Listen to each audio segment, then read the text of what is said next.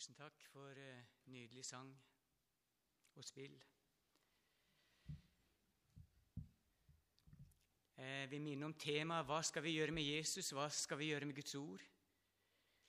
Og jeg tror det er et høyaktuelt tema som aldri før. Vi lever i en tid hvor eh, Guds ord får mindre og mindre rom og plass. Og jeg tror det er eh, viktig som aldri før at, eh, at det forkynnes klart og tydelig. Jeg har svikta, og jeg svikter, og det gjør vi alle. Men måtte Gud gi oss et større mot, en større iver, en større trang etter å holde fram Guds ord. Når det blir slik at ordet mister feste, og når det blir trangt i hjertene for Guds ord, så er det alltid noe annet menneskene vil fylle seg med, fordi at vi er religiøse av naturen. Gud har lagt evigheten ned i våre hjerter. Vi har alltid en trang etter å skulle tilbe noe. Og dersom det ikke blir Jesus, så blir det noe annet. Og det ser ut som eh, det stadig åpnes opp for mer av eh, religiøse tanker og ideer som eh, ja, Bibelen advarer mot. Det er i denne tid menigheten som skal på en måte forvalte Guds ord. Det er Guds menigheten som skulle være røsten i tiden. Det er meg og deg som skulle forkynne Guds råd for makter og myndigheter, for mennesker. Og jeg tenker For min del så blir det bare viktigere og viktigere for meg altså at jeg leser Guds ord, og at jeg får nåde til å ta det til mitt hjerte. Og jeg opplever det er der kampen min er. Jeg føler det. Det er å holde fast ved Guds ord og bekjenne det. Det er en troens strid. Da, som jeg nevnte tidligere, tidligere, da Israel kom inn i løftets landet, så møtte de fiender. Seieren er vunnet, men vi har en motstander som vil stjele fra oss ordet. Og vi er kalt inn i en troens strid. At vi bekjenner og holder fast Guds ord, det Han har gitt oss. Jeg skal eh, lese litt eh, fra Johannes kapittel 3. Jeg har nevnt det litt tidligere òg, om Nikonemus, men jeg tar utgangspunkt i eh, det som står der i dag. Nikodemus var en fariseer og en skriftlærd, en av jødenes rådsherrer, står det. Han var en sprenglærd mann, og ettersom jeg har hørt, skal du komme så langt i Israel på den tiden, så tror jeg nesten du måtte kunne ja, Jeg vil ikke si hele Gamle testamentet utenat, men i hvert fall de lærte ting utenat og de visste hvor ting sto hen. Det er helt sikkert. Men han hadde hørt og vært sammen med Jesus, og så var det tent noe i hans hjerte i møte med Jesus. Det var en forunderlig tale. Det står det at han talte med myndighet. Han talte klart og tydelighet, og det ble stadfestet med tegn og under. Og han ble vekket opp for ja, hvem er denne mannen? Hans vitnesbyrd i møte med Jesus var du er en lærer kommet fra Gud. Det skjønte han. Men kanskje det var noe mer? I hvert fall så var det vekket en dyp trang og interesse i Nikodemus etter et møte med Jesus. Og dette møtet det foretok han om natten fordi det var ikke populært blant hans kollegaer å interessere seg for mye i denne Jesus. Men han var på en måte modig allikevel. Og Så møter han Jesus, og så ser Jesus inn i hans hjerte. Han ser behovene Jesus. Han ser hva som er viktig i våre liv. Uten at noen blir født på ny, sier han, så kan han ikke se Guds rike. Uten at noen blir født på ny, kan han ikke se Guds rike. Og uten at noen blir født av vann og ånd, kan han ikke komme inn i Guds rike. Det var budskapet Jesus hadde å bringe til Nikodemus. Og Nikodemus forstår ikke dette. Og Jesus tilføyer det som er født av kjødet, det er kjød, og det som er født av ånden, det er ånd. Undre deg opp ikke over at jeg sa til deg, dere må fødes på ny. Vinden blåser dit den vil. Vinden blåser dit den vil, og du hører den suser, men du vet ikke hvor den kommer fra, og hvor den farer hen. Slik er det med hver den som er født av Ånden. Og Da spør Nikodemus, hvordan kan dette skje? Og Jesus svarte og sa til ham, Du er Israels lærer og vet ikke dette. Og Så begynner Jesus å undervise Nikodemus, og da bruker han en fortelling, et bilde fra Det gamle testamentet, som var vel kjent for denne skriftlærde. Og Jesus sier, og like som Moses opphøyet slangen i ørkenen, slik skal menneskesønnen opphøyes, for at hver den som tror på ham, skal ha evig liv.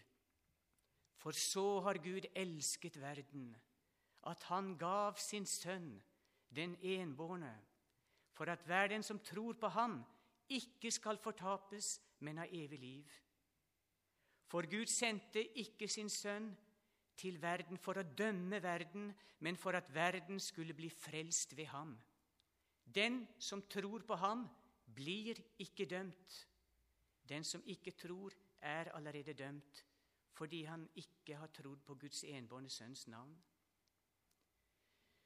Så Jesus sammenstiller disse ord med hendelsen i Det gamle testamentet der i ørkenen når det gjaldt kobberslangen, for å forklare hvorfor Jesus kom, og hvordan mennesker kunne bli født på ny.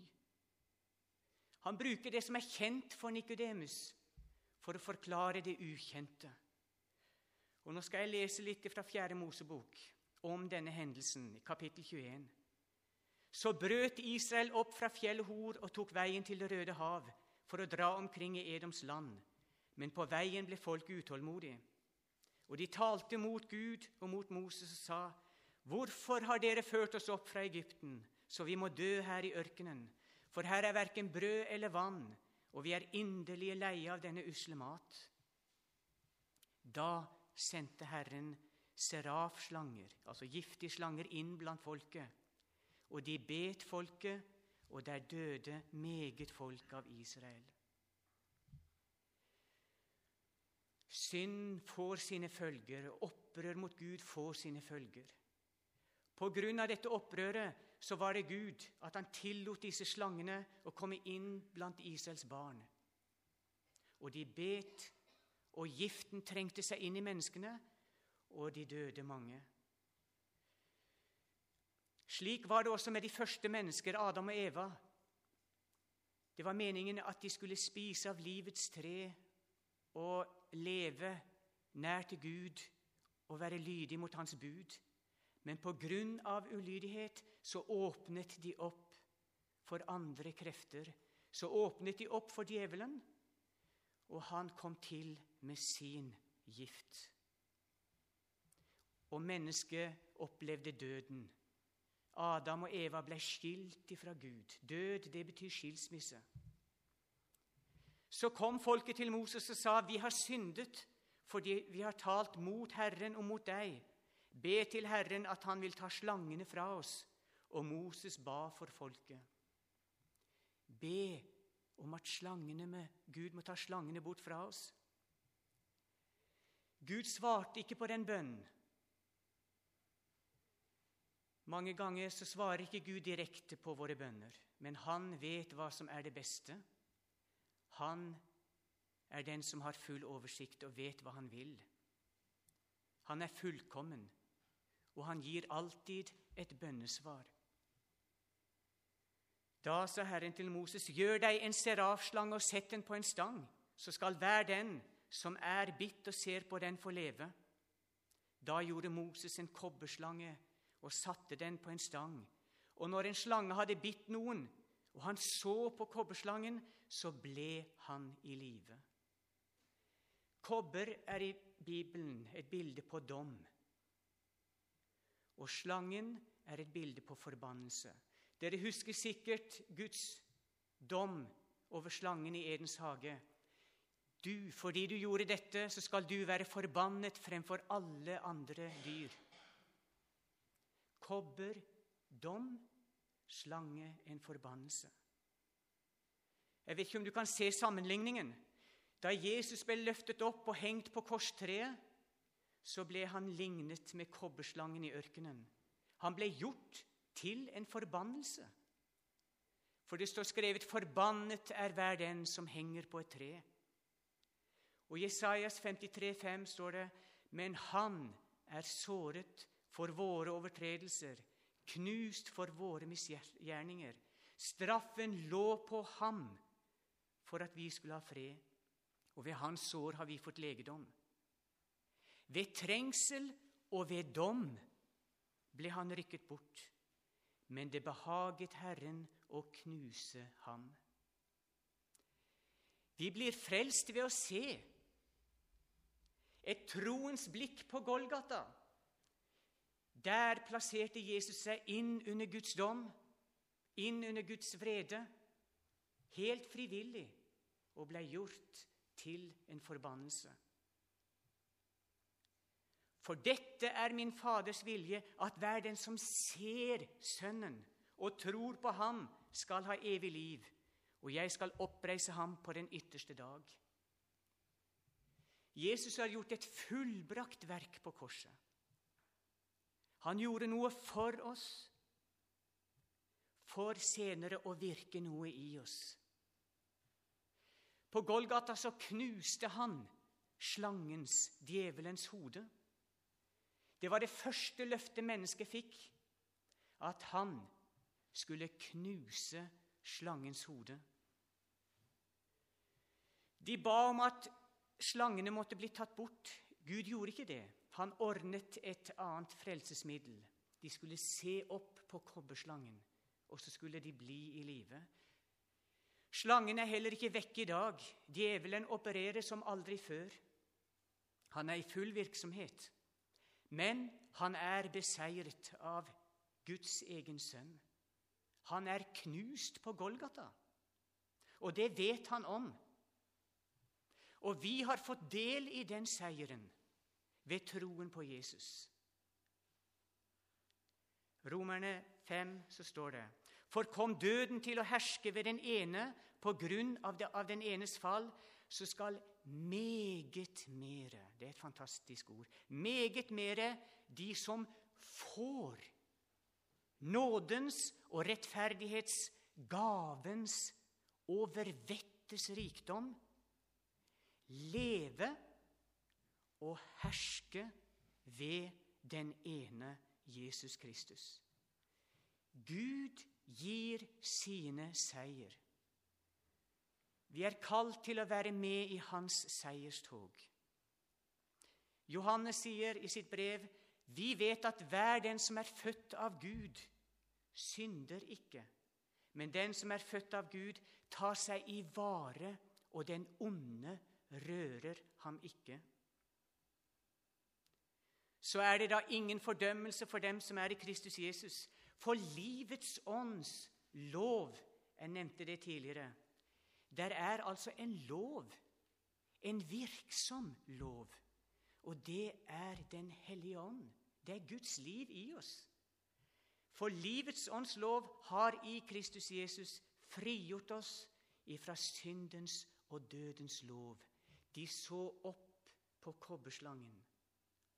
Vi kan få se opp på Jesus.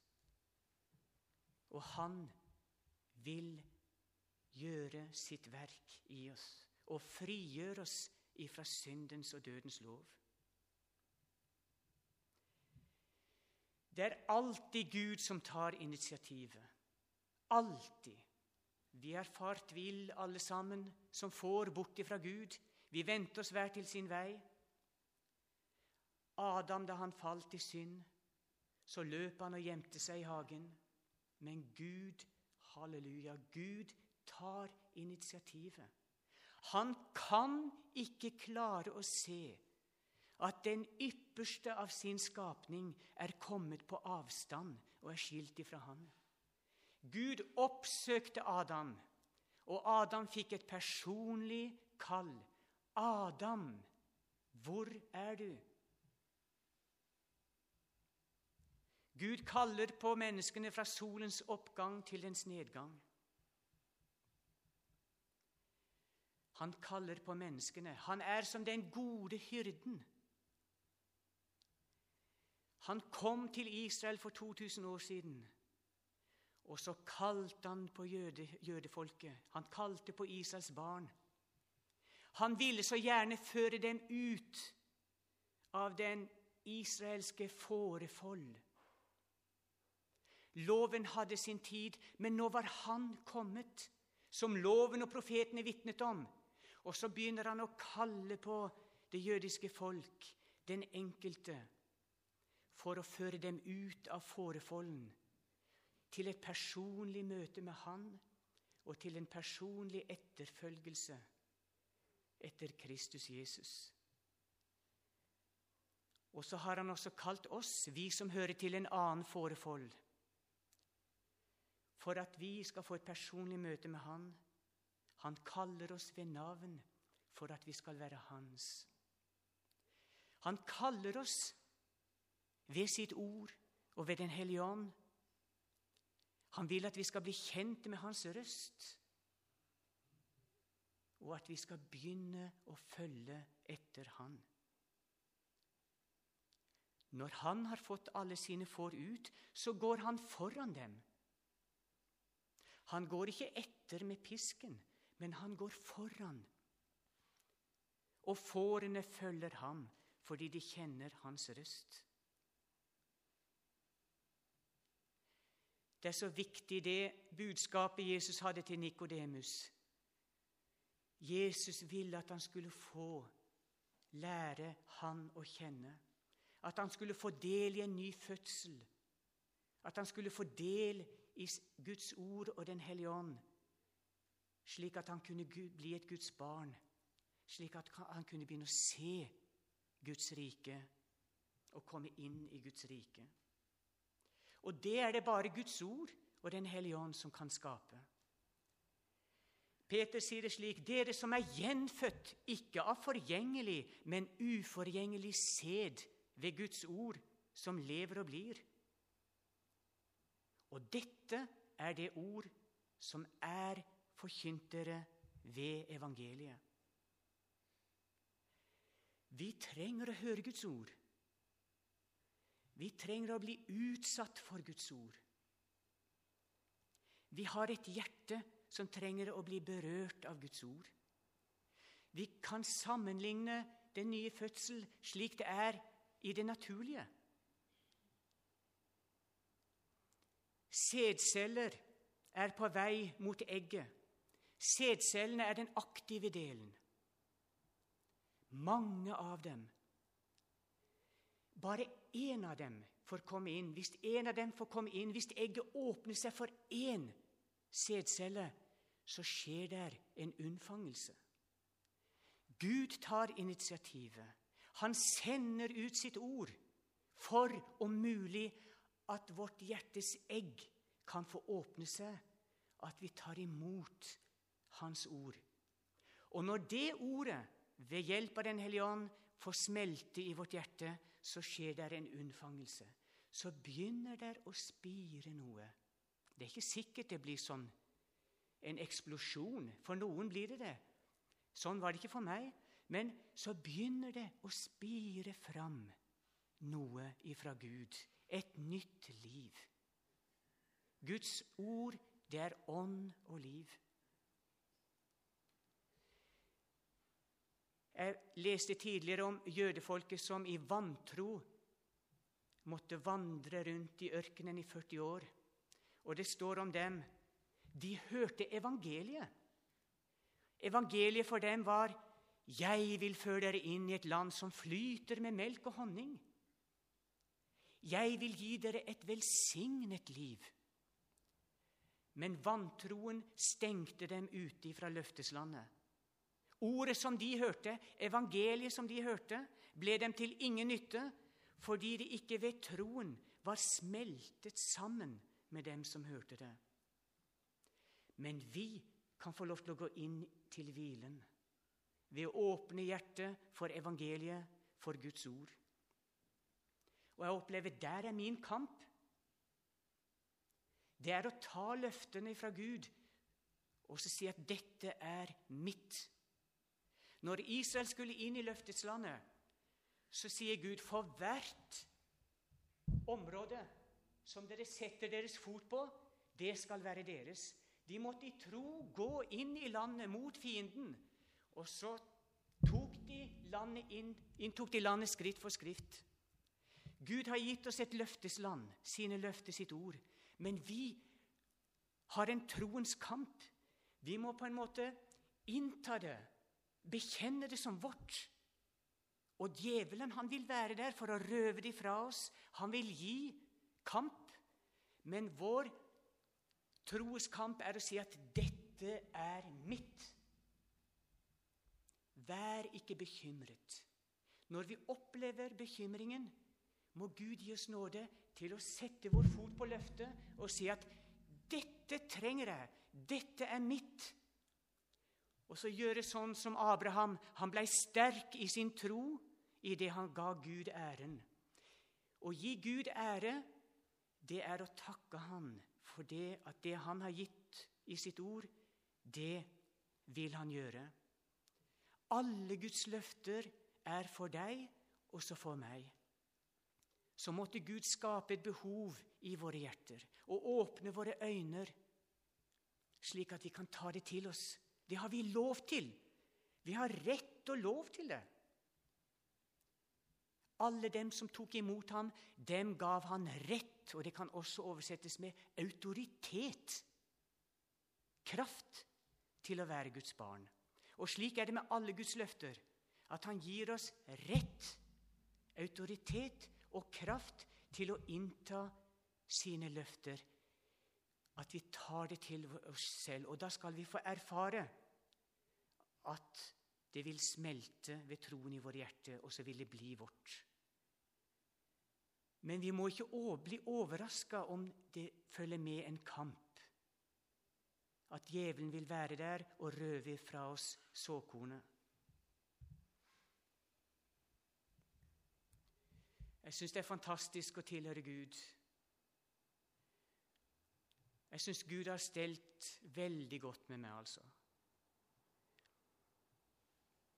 Jeg husker eh, når jeg hadde tatt imot Jesus, så var jeg sammen med noen andre kristne som jeg var helt fersk og ny på veien.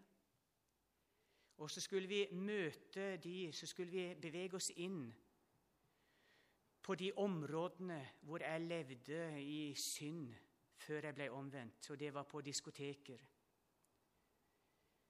Og vi trodde vi skulle frelse Vi var litt kjepphøye. frelse menneskene. Og ville vi være litt modige og gå inn på disse diskotekene, da? Men jeg skal si det var kamp, altså. Og jeg hadde ingen kraft til å si verken det ene eller det andre. Og Vi var der et par ganger, og til slutt så bare sa jeg til dem jeg orker ikke mer. Jeg klarer det ikke. Jeg kommer ikke til å gå inn her mer ganger, sa jeg. Og så gikk, trakk vi oss tilbake. Og så fikk jeg lov til å være mye i stillhet. Være mye i stillhet innenfor Guds ord, og så lese Guds ord og ta det til meg. Og jeg tror som nyfødte barn så trenger vi mye ro, sånn som det er i det naturlige. Mor tar barnet inn til sitt bryst. Barnet gjør ingenting. Det spiser, det sover. Spiser og sover. Og får pleie og omsorg. Pleie og omsorg. Og får næringsrik mat. Og får lov til å vekse og vokse og hvile. Og får oppleve kjærlighet. Og det trenger vi alle når vi kommer til tro på Jesus.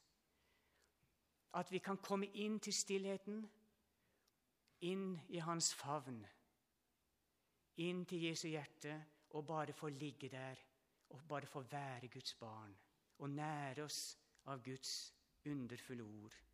Hans venstre hånd er under vårt hode, og med den høyre så favner han oss. Og etter hvert så tror jeg Gud kan virke en trang i våre hjerter til å tjene Han slik Han ønsker vi skal gjøre det, den enkelte. Så må Gud velsigne dere, alle sammen, at dere kan ta dere tid på pappas fang og kjenne varmen ifra Guds ord og kjenne Jesu nærhet, og at vi sammen kan få lov til å vokse opp til mannsmodenhet. Vær frimodige, det sier jeg til meg sjøl òg. Ta Guds ord, grip det, bekjenn det. Som jeg sa tidligere, å bekjenne, det er å si etter noen. Si etter Guds ord. Bekjenn det for makten og myndighetene. Bekjenn det for djevelen. Bekjenn det for deg selv. Og det vil slå rot og virke etter hvert.